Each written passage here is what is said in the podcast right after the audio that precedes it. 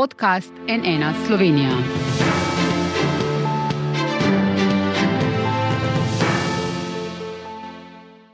Dobr dan, to je NN studio. Če tudi vi vsako jutro na poti do službe izgubljate živce v zastojih, ki se začenjajo vse prej in trajajo vse dlje, najhuje pa je okoli prestolnice, imamo za vas slabo novico. Pred vrati je oktober in še slabše bo. A to ste najbrž že vedeli. Morda je za vas novo to, da ministrstvo, ki se je nekoč imenovalo Ministrstvo za promet, za prometno politiko ni več pristojno. Morda tudi niste vedeli, da za zastoje niso kriva tovorna vozila, čeprav se njihovo število povečuje, pač pa vsi vi, ki se v avto vozite sami in ki ne uporabljate javnega prevoza. Tako meni eden od vodilnih na Darsu. Zagotovo pa vas bo presenetil podatek, da je varnost na slovenskih cestah letos za več kot 30 odstotkov boljša kot lani. Tako velja tudi po strašni nesreči na južni ljubljanski obvoznici, kjer so ugasnila tri življenja. Bodo pristojni še naprej ponavljali tisto, kar doslej ni zares sprijelo, ali pa bodo vendarle posegli po korenitejših ukrepih? Ali takšni sploh obstajajo? Kaj lahko naredi Dars, kaj vlada? Oboji poudarjajo, da nič ne gre čez noč.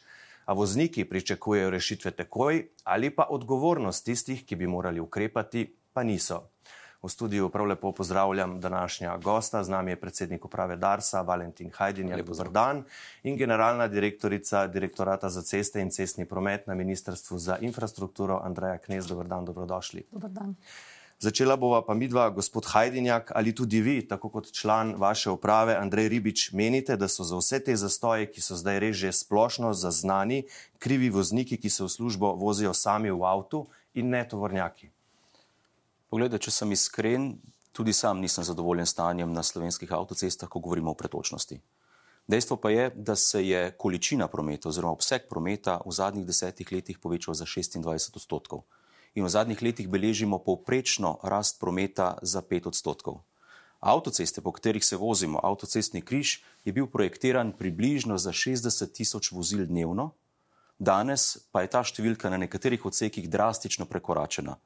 Najhuje se to vidi na odseku med Kosezami in Kozarjami na Ljubljanski voznici, kjer imamo dnevno med 80 in 90 tisoč vozili, od tega med 10 in 12 tisoč tovornih vozil. Kaj pa menite o tej izjavi gospoda Ribiča, bi tudi vi tako rekli? Uh, jaz ne bi rekel tako. Uh, verjetno bi se nekaj poznalo, če bi, seveda, uh, če bi seveda bilo v avtomobilih več ljudi, vendar s tem ne bi rešili celotnega problema. Problem je kompleksnejši in treba se ga je lotevati na drug način, z drugačnimi ukrepi. In kajti le tako bomo lahko prišli do, do rešitev.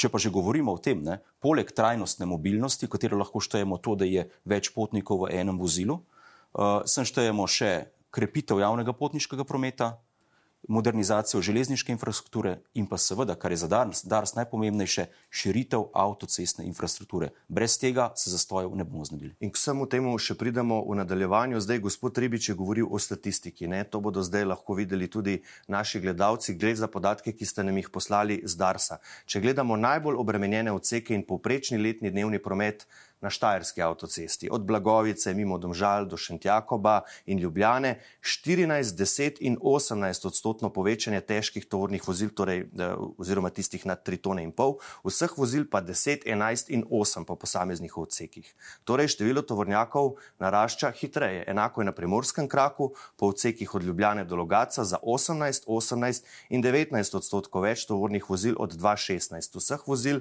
pa za 9, 10 in 9 odstotkov po odsekih. Ali torej priznavate, da so tovornjaki težava in vzrok za trenutno stanje? Govoriva o obdobju od 2016 do danes. Da. V letošnjem letu pa opažamo, da se število prevoženih kilometrov tovornih vozil zmanjšuje. Zakaj?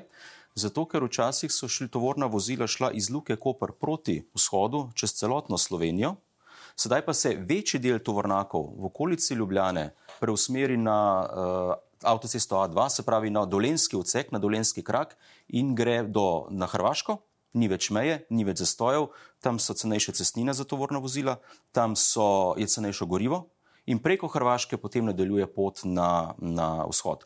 To utemeljujem tudi s tem, da se je promet na avtocesti A2 med obrežjem in karavankami po vstopu Hrvaške v Schengen povečal za 15 do 20 odstotkov. Ja, januarja so nam sicer z Darsa sporočili, da je dejstvo, da veliko število tovornih vozil določa, kje bo promet šel počasneje. Ne? Pri tem pa najbrž uh, ostajate. Gospa Knes, kje vzroke vidite na ministrstvu? Najbrž boste rekli, da gre za skupek razlogov, ampak kje vidite bistveno težavo? Uh, zagotovo gre za skupek razlogov, kot ste že sami povedali in kot je že predhodnik uh, opisal. Uh, celovito moramo gledati našo prometno problematiko skupaj, tovorno vozila in promet eh, in osebna vozila. Eh, če pogledamo eh, strukturo v jutranji prometni konici med pol sedmo uro in deveto uro zjutraj, v tem času je daleč največ 80 do 90 odstotkov osebnih vozil. Strinjam se s tem, da tudi ukrepi, o katerih bomo mogoče še več v nadaljevanju, morajo obsegati tako področje same infrastrukture, kot tudi ukrepe z področja upravljanja prometa, tudi tukaj je še eh, veliko rezerve, in pa seveda mehke ukrepe, o katerih smo pa tudi že govorili. Mi bomo v nadaljevanju še bolj razdelili vprašanje, morda za oba na te točki, kdo je za to stanje potem odgovoren, bi moral kdo prevzeti odgovornost, kdo in kako, gospod Hajdinjak. Dars je že leta 2018 na Ministrstvo za infrastrukturo naslovil predlog, za začetek postopka priprave državnega prostorskega načrta, pripravili smo tudi vse strokovne podlage za širitev Ljubljanskega obroča, se pravi za tretji pas. Takratno ministrstvo je temu pritrdilo, prižgalo zeleno luč, vendar se je zadeva ustavila na takratnem ministrstvu za okolje in prostor. Se pravi, pet let predlog za širitev Ljubljanskega obroča stoji na takratnem ministrstvu za okolje in prostor in seveda to pomeni, da se postopki ne morejo pričeti. Vsi pa vemo, kakšna je slovenska zakonodaja, koliko časa traja, da država posamezen avtocestni odsek umesti v prostor. Samo za primer povem, država avtocestni odsek postojna Elšane umešča v prostor že skoraj 20 let. 20 let se država in občine ne morejo dogovoriti, katera je najustreznejša trasa, kjer bi potekala avtocesta. Torej kriva vlada, ne pa Dars. Ne bom rekel, da je ali je kriva vlada ali je kriv Dars. Ve se, kdo je za posamezne zadeve odgovoren, ve se, kdo je odgovoren za umeščanje v prostor. Dars tega postopka ne vodi, vendar pri tem postopku aktivno sodeluje, predlaga eh, vse rešitve, projektne rešitve, pridobiva razno razna soglasja ali mnenja, ker pa postopka ne vodimo na Darsu, težko rečem, kdaj bo do tega prišlo, v kolikšnem času ali pa kdaj se bo sploh začel. Zato je pa odgovor pristojno uh, resorno ministrstvo. Kdo naj potem spreme odgovornost, vi je ne boste, naj to stori nekdo na vladi? Dars lahko prevzame odgovornost na svoje ramena in tudi prevzema od pravnomočnosti gradbenega dovoljenja. Ko nam reči imamo enkrat mi pravnomočno gradbeno dovoljenje, lahko pričnemo z gradnjo in takrat smo odgovorni mi in zatem tudi stojimo. Dokler pa pravnomočnega gradbenega dovoljenja ni ali pa avtocesta sploh še ni umeščena v prostor, pa težko govorimo o odgovornosti Darsa. Vi sicer niste, seveda, gospa Knes z ministrstva, ki umešča v prostor, to je zdaj ponove ministrstvo za naravne vire in prostor, ste z ministrstva za infrastrukturo, ampak kot slišimo, očitno je velika odgovornost tudi na vladi. Uh, tukaj bi želela podariti, da uh, Dars kot pobudnik je to vlogo pripravil že v začetku 2017, začeli s temi pripravami. Uh, da je Ministrstvo za infrastrukturo že takrat prepoznalo, takrat je bila tudi ministrica Alenka Bratušek in je podprlo to pobudo in je tudi formalni pobudnik uh, uh, je Ministrstvo za infrastrukturo. Žal se je pa takrat tam zataknilo. Uh, z vseh na strokovnem nivoju, kot v celoti Ministrstvo za infrastrukturo, absolutno uh, še vedno stojimo za tem, da je uh, ta problem potrebno rešiti tudi na ta način, da se celovito obravnava Ljubljanski obroč in upadnice, in da se, da se nadaljuje obravnava te pobude, ki je pač trenutno zamrznjena. Odgovor na vprašanje, kdo mora torej prevzeti odgovornost, kdo mora odstopiti zaradi tega kolapsa na slovenskih avtocestah. Mislim, da to težko odgovorim v tem trenutku. Odgovornost moramo prevzeti vsi, ki se s tem ukvarjamo. Dobro, kako jo boste, bomo še videli. Generalni sekretar AMZS Jurek Kostanšek je za NN dejal, da so se s tem, ko je Slovenija uvedla prepoved prehitevanja za tovorna vozila, vsi tovornjaki skoncentrirali na enem pasu. Citiram, voznikom avtomobilov pa še posebej v prometnih konicah ostaja en pas ki ni več prehitevalni, ampak čisto navaden vozni pas, je pripomnil. Ali je bila torej gospa Knes ta prepoved prehitevanja napaka ali vlada razmišlja, da bi jo odpravila? V tem trenutku ni razmišljeno o tem, da bi odpravili ta ukrep. Ker kot vsak ukrep ima tako pozitivne kot negativne učinke, sama pretočnost se je zaradi tega izboljšala. Uh, tudi uh, pri, sam, pri uvedbi smo intenzivno sodelovali tudi s predstavniki prevoznikov, kjer smo pričakovali negativne reakcije, ampak dejansko je bilo pozitivno sprejeto tudi z njihove strani. In trenutno nekega razloga, razen tega, da smo tudi mi nezadovoljni kot uporabniki, če smo na cesti, pa pride do take situacije, da bi se ta ukrep preklical zaenkrat ni. Menite, da bi ga morala vlada preklicati? Ne, jaz mislim, da ta ukrep je dober. Ko se primerjamo, pa pogovarjamo in iščemo rešitve s kolegi v drugih državah, nam ga v bistvu zavidajo. Kaj, ti, kaj bi se pa zgodilo, če tega ukrepa ne bi bilo? In ko smo priča, ko tovornjak prehiteva drugo tovorno vozilo, vozi pet km hitreje kot tovorno vozilo na voznem pasu, in to prehitevanje traja lahko tudi po nekaj minut ali deset minut. Ne? Takrat prihaja pa še do večje nervoze, do večje jeze strani uporabnikov in to upravičeno. Tako da jaz zagovarjam ta, zagovarjam ta ukrep, seveda pa ukrep deluje samo, če je nad njim izveden nadzor. Ta nadzor je uspešno upravljala avtocestna policija, dokler je bila. Ko pa avtocestne, odkar pa avtocestne policije ni več, je pa seveda ni nadzora in tudi tovor, vozniki tovornih vozil pogosto tega ne spoštujejo več. Torej je bila to napaka, da je vlada ukinila avtocestno policijo, če vas prav razumem. E, mi smo sodelovali kot DARS pri ustanovitvi avtocestne policije, smo jo tudi sofinancirali in rezultati, ki jih je v tistem dobrem letu uh, pokazala avtocestna policija, govorimo o eni tretjini manj prometnih nesreč, govorimo o 24 odstotkih manj zastojev, govorimo o eni tretjini krajših zastojih na naših avtocestah in pa po, polovičnem zmanjšanju pretežkih tovornih vozil, so rezultati, ki govorijo sami zase. Tako da na Darsu smo vse skozi podpirali avtocestno policijo.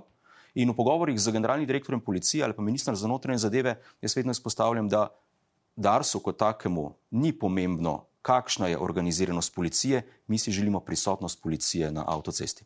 Ali se na vašem ministrstvu zdaj spet pogovarjate z notranjim ministrstvom, da bi ponovno vzpostavili avtocestno policijo? Pozivov v tej smeri je že kar veliko v tem času. Eh, kot eden izmed treh partnerjev v tem projektu je bilo tudi naše ministrstvo. Eh, in uh, absolutno podpiramo na prisotnost policije na avtocestnem križu. Uh, absolutno so bili dokazani pozitivni učinki v samo obliko organiziranja, na kak način je ta prisotnost policije formalno organizirana, pa naše ministrstvo nima vpliva niti Eh, se do tega ne opredeljujemo. No, Želimo pa si čim veste, večjo prisotnost avto, policije na avtocesti v vsakem primeru. Zagotovo pa veste, kako je bilo prej, ko je bila avtocestna policija in veste, kako je zdaj, ko je ni več in pač poskušajo z nekimi drugimi, bom rekel, eh, rešitvami, ki so podobne, pač ni avtocestna policija kot nek samostojen del uh, znotraj policije. Torej, kakšna je zdaj ta razlika, kaj opažate?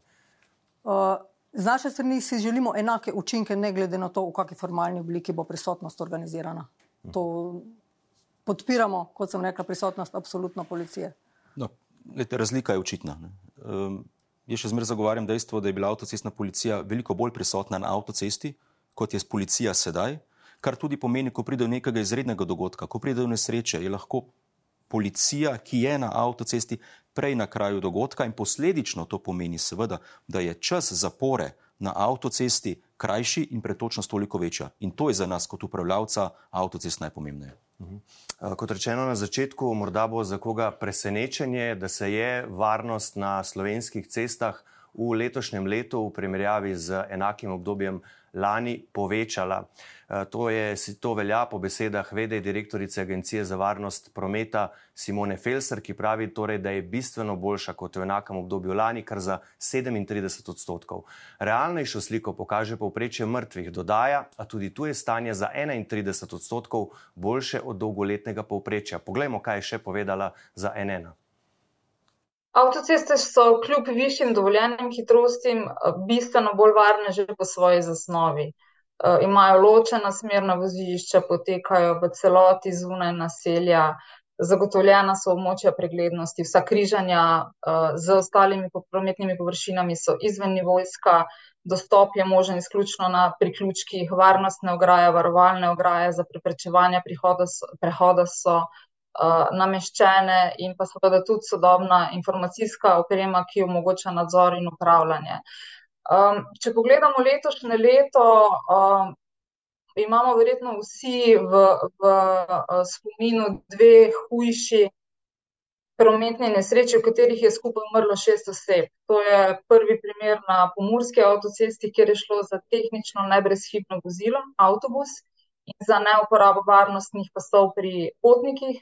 V drugem primeru, v, pred nedavnim, v preteklem tednu, pa indici kažejo v smeri distrakcije voznika.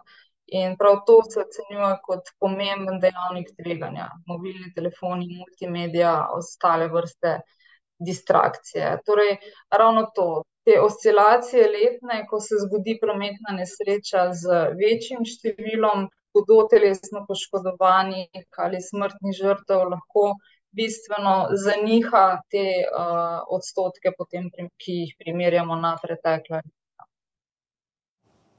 Varnost je torej kljub tisti nesreči s tremi žrtvami na južni ljubljanski obvoznici, ko so bili avtomobili zmečkani med tovornjaki, pa potem zgoreli eh, boljša. Tudi avtoceste in hitre ceste, glede na prevožene kilometre v obdobju 2018 do 2020, po besedah gospe Felser, predstavljajo 7 do 13 krat niže tveganje v primerjavi z ostalimi glavnimi in regionalnimi državnimi cestami. Temu boste najbrž z veseljem prikimali, gospod Hajdinjak, ampak povejte mi, prosim, kaj boste na Darsu storili, da preprečite takšne katastrofe? Očitno je bil tudi za vas eh, to izredni dogodek, vi ste bili tam več ur na kraju nesreče. Tako je, kajti tudi mene kot predsednika Darsa vsaka taka nesreča prizadane. In želja Darsa je, da ne bi imeli žrtev na slovenskih avtocestah. V letošnjem letu jih imamo 12, vključno s temi tremi na južni voznici. V lanskem letu, v enakem obdobju lanskega leta, smo jih imeli 18. Um, če smo matematično, bi lahko rekli, da smo seveda boljši, nismo pa s tem zadovoljni. Ugotavljamo pa tudi skupaj z Agencijo za varnost v prometu, da je največkrat razlog ali povzročitelj hujših prometnih nesreč uporaba mobilnega telefona med vožnjo. Tako pri osebnih avtomobilih, kot tudi pri voznikih tovornih vozil. To seveda povzroči neko distrakcijo, neko nezbranost, eh, ki ima potem za posledico hude prometne nesreče. Mi od policije še nimamo um, ugotovitev, uradnih ugotovitev, kaj je bil pravzaprav razlog za to hudo prometno nesrečo na južni voznici. Možnost ena od možnosti se nakazuje tudi uporaba mobilnega telefona ali druge elektronske naprave. Uh, želel pa bi si seveda apelirati na uh, vse voznice in voznike in uporabnike avtocest, da se v času, ko smo na avtocesti, ko vozimo, da se odpovemo uporabi mobilnih telefonov, kajti s tem bomo največ storili za našo lastno varnost in za varnost drugih, ki so z nami takrat na avtocestnem križu. In tega ne moremo nikoli prevečkrat ponoviti, ampak kakšnih posebnih ukrepov zaradi tega pa ne načrtujete, če prav razumem. Eh, mi smo to nesrečo tudi analizirali z našega upravljavskega vidika, ali je bilo na naši strani karkoli narobe. Eh, tam je bil sicer takrat zastoj, postavljena so bila opozorila, oziroma na naših spis portalih so bila opozorila za zmanjšanje hitrosti, za nevarnost na leta, za opozorila za zastoj. Eh, tako da jaz, glede na to, kakšne možnosti smo imeli, smo mi lahko naredili vse, kar smo lahko, da bi promet potekal tekoče in pa čim bolj varno težko pa ali pa ne moramo vplivati na slehernega voznika, ki zaradi tega ali onega razloga uh, ni dovolj zbran ali pa ne upošteva pravil cestnega prometa. Vi ste pa zadolženi na ministrstvu za infrastrukturo, ne, na kateri v bistvu vse to poteka, vse ta promet. Ali vi lahko naredite karkoli in kaj, da pač se zmanjša uh, možnost za takšne strašne nesreče? Seveda je človeški faktor zelo pomemben, osebna odgovornost vseh voznikov, to, kar vse čas podarjamo, ampak ali ste se lotili tega vprašanja na vašem ministrstvu, kaj lahko v bistvu glede same infrastrukture naredite? Um, zagotovo, tudi mene osebno vsaka taka nesreča uh, se dotakne. Uh, in si se najprej vprašamo, kaj pa bi lahko storili, mogoče bolje, oziroma kaj lahko naredimo, da se kaj takega ne bi več zgodilo. Jaz vedno si rečem, da to so imena in primki, to ni številka. Eh, toliko smrtnih žrtev so družine, ki so zadnji prizadete in to jemljem zelo osebno in zelo resno. Eh, ne samo, eh, mogoče ne se dotaknem, da ministrstvo skupaj z AVP-jem pa z drugimi deležniki pripravlja, v sklepni fazi priprave resolucije o varnosti v cestnem prometu, kjer je eden izmed ključnih stebrov tudi varna infrastruktura. Posebej bi pa povedala, da smo specifično sledili tem globalnim usmeritvam, kaj je potrebno na področju varnosti posebej obravnavati. V Sloveniji smo pa posebej dodali kot nacionalni stebr zagotavljanja varnosti še poklicne voznike, med drugim tudi poklicne voznike gospodarskih vozil. Uh, ker uh, tudi vsled opažanja teh dogodkov iz preteklosti. Pa kaj to pomeni, da se bodo pravila za nje zaostrila? Ne, to pomeni, da se celovito uh, bo preučilo, kaj lahko storimo, da se na področju samih vozil, kaj se lahko spremeni, na področju zakonodaje, na področju infrastrukture, na področju usposabljanja voznikov, na področju tudi recimo socialne zakonodaje, obvezni časi počitka in tako naprej. Uh, Eh, pri zagotavljanju uh, varovanih parkirišč. Uh, veliko je stvari, ki jih prepoznavamo, da jih je potrebno na tem področju v bodoče urediti. Ampak v fazi izvedbe trenutno še niste, medtem pač zastoji ostajajo. Gremo naprej.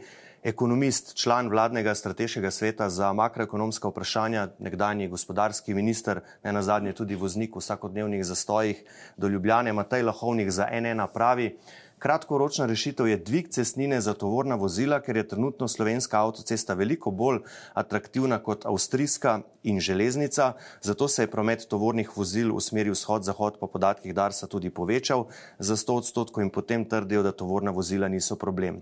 Tovorno vozilo povzroči nekaj tisočkrat več škode kot osebno na infrastrukturi, zato je dvig cene za tovorna vozila tudi ekonomsko upravičen in nujen.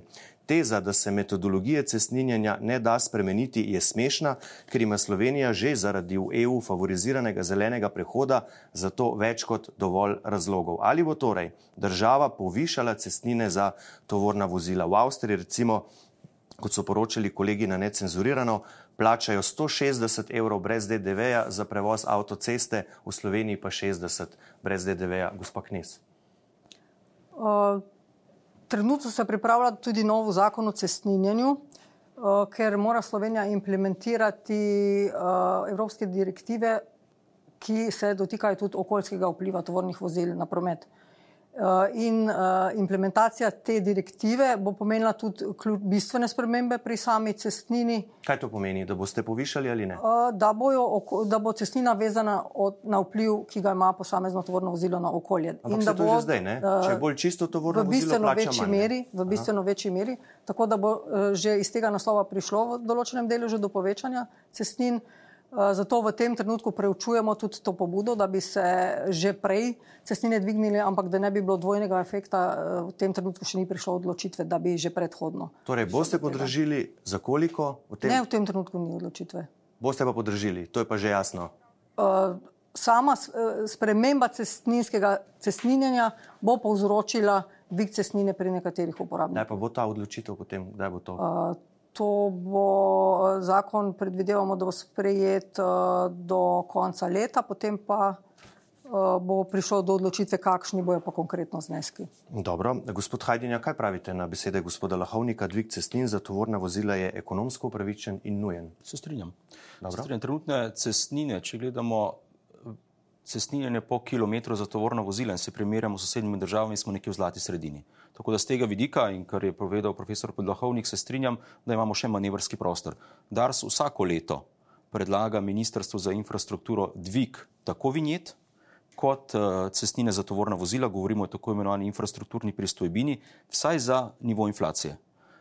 Letos smo bili uslišani za dvig cene vinjet za tistih 6,8 odstotka, nismo pa še bili uslišani za dvig cene infrastruktur, za dvig infrastrukturne pristojbine. Mi si bomo to še vedno, še vedno prizadevali in upam, da bo tudi usled uh, zmanjšani pretočnosti, da bomo lahko uh, prišli tudi do tega, da morda pa na ta način zagotovimo tudi uh, preusmeritev določenih tovornih uh, prometnih tokov Eh, mimo, mimo Slovenije. Ali lahko na tem mestu to zagotovite, to, kar pravi gospod Hajdinjak? Da pogovori potekajo, to lahko potrdim.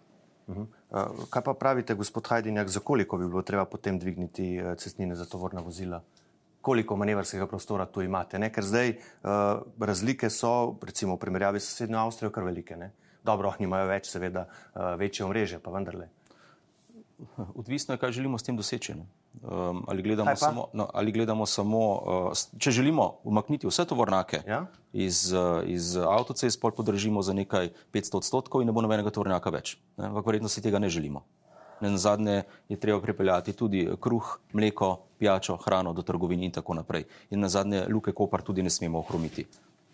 Uh, če, pa, če se pa spustimo malo bolj na, na realna tla, uh, mi smo, kot sem dejal, vedno želeli usklajevati višino infrastrukturne pristojbine z inflacijo.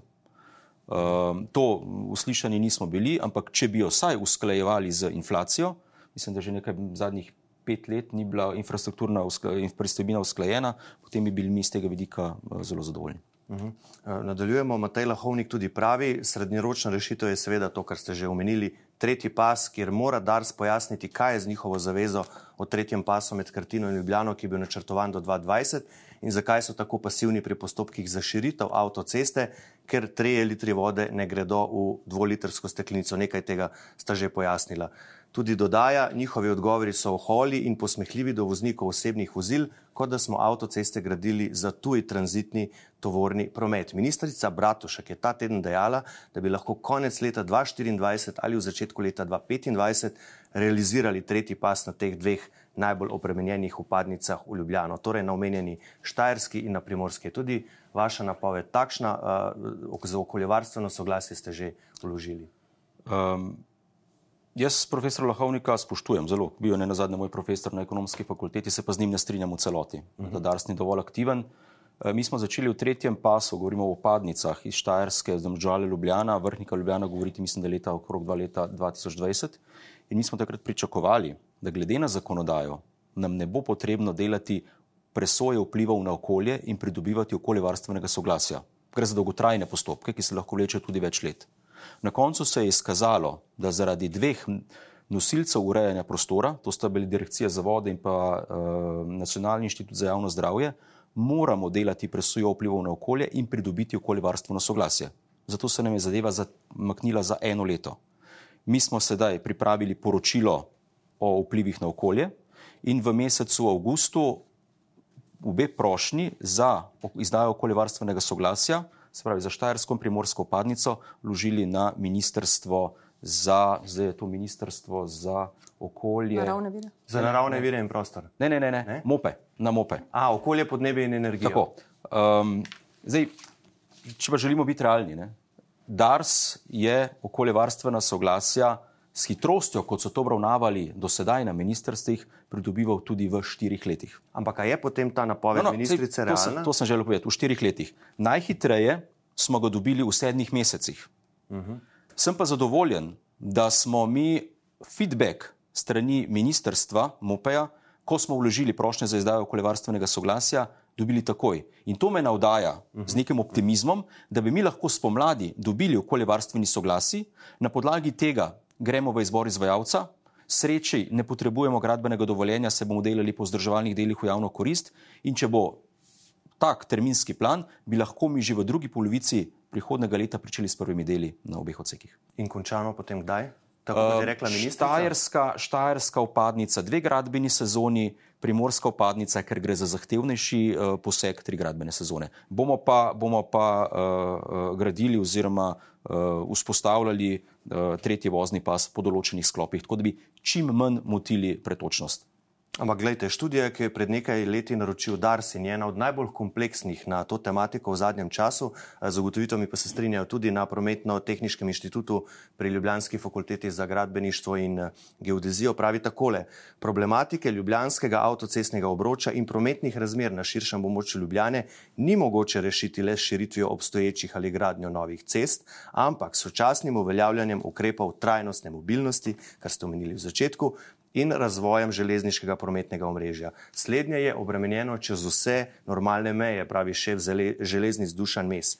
Drugi ukrepi za zdaj še niso prejeli. Zakaj torej toliko stavite na to širitev? Ljubljana bo vseeno morala vsa ta vozila nekako požreti. Se strinjam, ampak dar se odgovoren za širitev omrežja, uh mhm. -huh. avtocestnega. Ne? Mi ne moramo biti odgovorni za širitev ali pa modernizacijo železnic, za trajnostni razvoj, za javni potniški promet. To so drugi. Ampak kot sem dejal, to so vse rešitve, ki morajo biti izpeljane v celoti, če želimo, če želimo narediti korak naprej. In ravno zaradi tega je že pred petimi leti Dars predlagal, da se prične s postopki širitve Ljubljanske oboznice, kjer pa, kot smo že ugotovili, je bila zadeva ustavljena. Gospa Knes, vaša ministrica Bratošek vse čas govori, ne vozite se sami v avtomobilu, uporabite javni prevoz, vlak od Kranja do Ljubljane je super, je hiter, ampak ga vseeno ne uporablja, pač pa se vozi z električnim avtomobilom. Kako bo država spodbudila ljudi, da se bodo recimo skupaj vozili? Ne? Boste gradili parkirišča ob avtocestah za prestopanje teh voznikov, kot denimo predlaga AMZS, posebne pasove za takšna vozila, kot denimo obstajajo že v tujini, v ZDA, vem, da imajo tako kaj tretjega. Kaj? Uh, vse od tega. Uh, mogoče bi samo uh, pokomentirala, da uh, so ti mehki ukrepi eden izmed ukrepov, kot smo že na začetku rekli, da je pa zagotovo treba tudi na infrastrukturi še kaj narediti. Jaz se včasih rada pošalim, da smo ceste en tak grdi raček, ampak brez tega grdega račka pač ne gre, ker tudi če bodo vsa vozila postala električna, še vedno se bodo vozila po cestah. Tako da investicije v inf cestno infrastrukturo bodo zagotovo še potrebne. Poleg tega pa tudi vse, kar je bilo ostalo že omenjeno, tudi Ampak... železnice, javni potniški promet. Kar se tiče gradnje parkirišč, ima tudi ja. to eh, že DARS v načrtih. Uh -huh, uh -huh. uh, pa bo to? To bo mogoče. Uh, mi smo sedaj začeli s postopki, da smo ugotovili, kje so tista najustreznejša mesta za izgradnjo varovanih parkirišč za tovorna vozila. To sta uh, lom na obeh straneh, Maribor, sever, jug in pa gradi se eno privatno, še okoli Žalca, in pa Luka Koper namerava zgraditi enega na Kozini. Uh, in na podlagi tega ugotavljamo, da bi to zadostovalo za uh, potrebe, ki so trenutno ali v, pri, v prihodnih letih. Gremo mi zdaj v postopek tako imenovanega odkupa zemljišč. Mhm. Da bomo lahko zagotovili ustrezen prostor, in potem naprej v drugem koraku neko, neke vrste javno-zasebno partnerstvo, da bi lahko prišli do tega. Dokdaj pa bi to lahko potem bilo narejeno? Uh, Težko bi zdaj rekel, uh, kakšni so roki, zaradi tega, ker je pred nami še toliko postopkov od odkupa zemljišč do iskanja partnerja, vendar mi intenzivno delamo na tem, tudi v sodelovanju z ministrstvom, ki nas uh, priganja in pravi tako. Priganjate, uh, lahko še poveste, prej sem vas pač prekinil, uh, torej, kateri ukrepi še in kdaj bodo ti ukrepi lahko morda začeli veljati, da bodo hitro učinkovali? Uh, mogoče bi izpostavila še ukrepe z področja upravljanja prometa, ker to se lahko mhm. hitro doseže, kako učinek. Uh, pod vodstvom ministrice deluje medresorska delovna skupina za izboljšanje pretočnosti v navezavi z Luko Koper, kjer sodeluje tudi DARS, policija, uh, Luka Koper, naš uh, nacionalni center za upravljanje prometa, uh, ki je v pristojnosti Ministrstva za infrastrukturo. In ena izmed uh, prvih nalog je bila formiranje operativne delovne skupine za Eh, takojšnje obveščanje in ukrepanje v primeru uh, prometne napovedi, pričakovanja povečanega prometa ali pa nepričakovanih situacij, kot so tudi prometne nesreče, povečan promet v Luki Koper in podobno. Ta skupina deluje. Obvešča se tudi obe zbornici, gospodarsko in obrtno, da so tudi prevozniki pravočasno obveščeni. Eh, poteka tudi eh, mednarodno koordiniranje tako upravljalcev kot eh, preko našega nacionalnega centra za upravljanje prometa, ker tudi prihaja do preusmeritve zunaj Slovenije, če je potrebno. Potem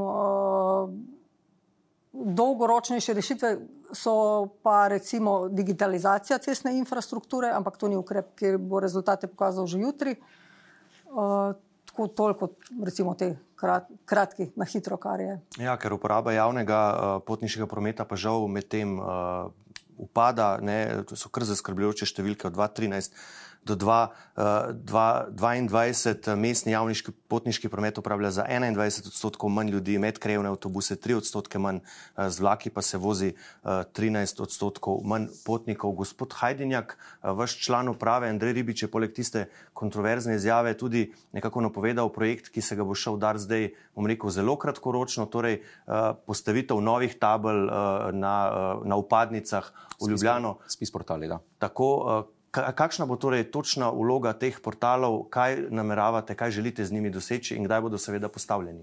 Govorimo o tako imenovanih inteligentnih transportnih sistemih oziroma o speed managementu.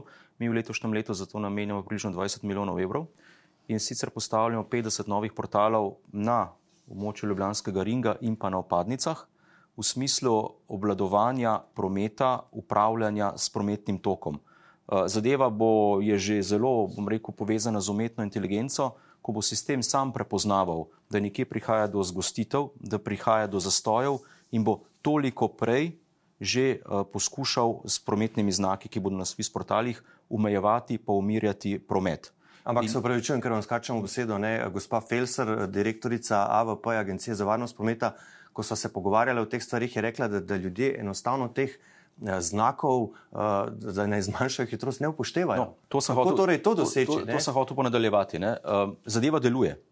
V drugih državah zadeva deluje, zakaj ne bi tudi pri nas? Je pa res, ne? je pa res. Če bi se vsak voznik držal omejitve, ki je na spis portalu, potem do zastojev ne bi prihajalo, ker bi ta tok tekel normalno in ne bi bilo tako imenovane elastike. Uh mhm. -huh. Če pa imamo mi omejitev gor 80, peljemo se pa mimo 120 ali 130 in potem nenadoma zabremzamo, pa seveda zavirajo vsi za nami in prihaja do tako imenovanih fantomskih zastojev. Uh mhm. -huh. Sistem deluje, če se ga držimo in ga spoštujemo.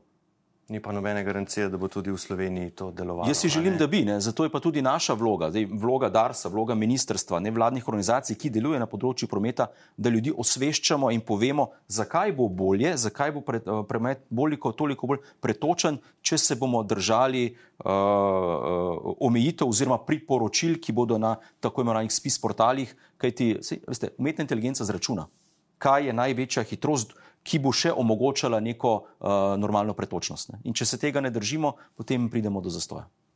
Pri koncu smo uh, tale zanimivost, še ko smo iskali vladnega sogovornika za to današnjo oddajo, smo imeli nemalo težav, to moram povedati. Uh, infrastrukturno ministrstvo je najprej želelo ta vroč kostan poriniti v roke Agenciji za varnost prometa. Po več naših prošnjah je potem sporočilo, da za prometno politiko niso pristojni, da je zato pristojno Ministrstvo za okolje, um, podnebje in energijo Bojana Kumra. No, tam so nam dejali, da oni pišejo šele novo strategijo in nas obrnilo nazaj na infrastrukturno ministrstvo. Tretje pristojno ministrstvo, ki smo ga že omenili, pa je Ministrstvo za naravne vire in prostor, ki vse te velike infrastrukturne, najpomembnejše projekte umešča v prostor. Po posredovanju UKOM-a so potem poslali vas, gospa Knes. Eh, gospod Hajdinjak, minister Kumar pravi, če se več resorjev ukvarja s prometom, je to še bolje. Ali zaznavate vi izboljšanje od letošnjega januarja, ko imamo pač to stvar razdeljeno tako, kot jo imamo? Um, mi smo imeli na začetku kar nekaj težav, da smo ugotovili, kaj se da, kjero ministrstvo pokriva in na kjero ministrstvo naj se obrnemo. Prihaja pa seveda do razlik um, pri intenziteti delovanja med vsemi tremi ministrstvi, ki ste jo omenili. Mi se trudimo korektno in pa dnevno sodelovati z vsemi tremi, se smo pripričani, da bo, da bo le tako prišlo do nekih rešitev skupnih. Ne. Seveda, v neki ne, viziji bi bilo verjetno najbolje, da bi imeli mi samo enega sogovornika, se bi tako mm. najlažje odpravljali tista oska grla in na drugi strani iskali rešitve, eh, ki bi bile najoptimalnejše. Torej, ne zaznavate neke večje učinkovitosti, čeprav razumem, gospa Knes, kako je to videti v praksi? Si tudi delo med ministrstvi tako med sabo podajate, kot si novinarje? Zagotovo je ta reorganizacija prinesla nekaj izzivov, s katerimi se pač moramo soočiti in uh, organizirati tako, da bomo delovali tako, kot je državni zbor na vse zadnje odločil. Um, pri tem je razmejitev dejansko jasna že od uh, zakona o vladi in potem naprej zakona o državni upravi, uh, katere naloge pokriva Ministrstvo za okolje, podnebne in energijo. Tja zdaj spada dejansko prometna politika, celovito, celostno prometno načrtovanje. Um, če omenjamo zdaj te strateške dokumente, ne, ki so zdaj mogoče malo nerazumevanja, ker so eni so trenutno veljavni, eni se bodo uh, pripravljali. Zdaj, trenutno še vedno velja najprej uh, strategija, potem je resolucija, uh, potem je pa izvedbeni dokument, to je pa načrt, um, operativni načrt vlaganja v prometno infrastrukturo. Uh, To je tisti dokument, kjer pa konkretno opredeljujemo vse projekte, ki se bodo v določenem času morali realizirati. Ta dokument eh, potrdi vlada, je pa neposredno povezan tudi z državnim proračunom, eh, ker če državni proračun ne potrdi, tudi projekt v izvedbo ne more. Tako da se na ta način spremlja izvajanje vseh teh strateških dokumentov, ki pa bodo prenehali veljati, zato ker po novem eh, zakon o celostnem prometnem načrtovanju v petih letih mora to novo ministrstvo pa pripraviti celostno državno prometno eh, strategijo. Eh, in na podlagi tega se bo potem naredil tudi akcijski načrt. Zato je mogoče zdaj malo nerazumevanja eh, med tem, kaj spada pod koga, ampak generalno je to jasno.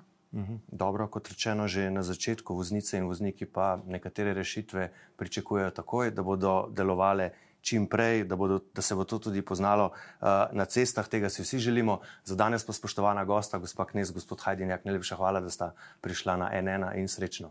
Hvala, srečno. Hvala pa tudi vam za vašo pozornost. Seveda bomo še naprej, tako kot doslej, obveščali sproti sta o stanju na naših avtocestah in cestah. Zato nas spremljajte na nnainfo.si, tudi o ukrepih, kot ti bodo, bomo seveda poročali iz studija, pa le še lepo zdrav in nasvidenje. thank you